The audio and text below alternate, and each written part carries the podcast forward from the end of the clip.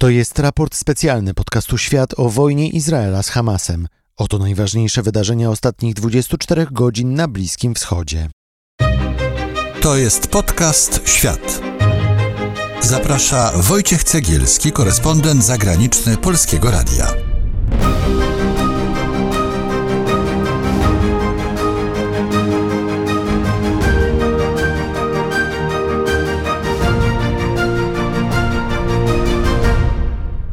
Jest piątek 24 listopada 2023 roku.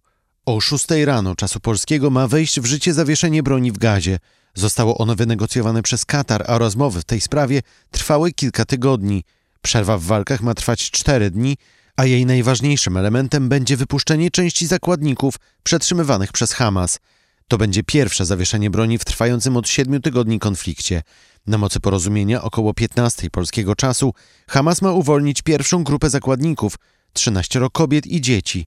W piątek, sobotę i w niedzielę na wolność mają wyjść kolejne grupy kobiet i dzieci, a w sumie do domów ma wrócić 50 spośród około 240 zakładników. Uwalniane osoby mają być transportowane do granicy z Egiptem przez przedstawicieli Czerwonego Krzyża. Tam będzie na nie czekało wojsko oraz lekarze.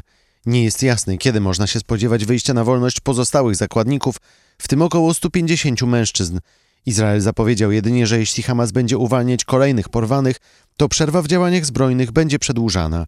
Wszyscy zakładnicy zostali porwani 7 października, kiedy tysiące bojowników Hamasu przedarły się do Izraela i dokonywały tam rzezi na żołnierzach, policjantach i cywilach. Izrael przez wiele dni nie potrafił podać dokładnej liczby uprowadzonych. Szacuje się, że Hamas przetrzymuje w gazie około 240 osób, choć nie wiadomo, ile z nich żyje. W zamian za uwolnienie pierwszej grupy zakładników przez Hamas, Izrael ma wypuścić na wolność około 150 palestyńskich kobiet i dzieci, które siedzą teraz w więzieniach.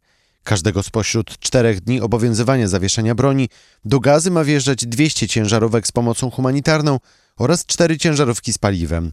Izraelskie naloty oraz operacja bojowa w Gazie to odpowiedź na atak Hamasu na izraelskie miasta z 7 października. Fanatyczni bojownicy zabili wówczas 1200 osób.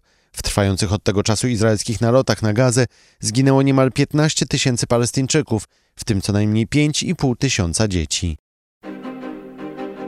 Nasze specjalne raporty na temat wojny w Gazie ukazują się rano na Spotify, a codziennie o 18 na Instagramie i na YouTube podcast Świat możecie zobaczyć najważniejszy światowy news dnia. Do usłyszenia.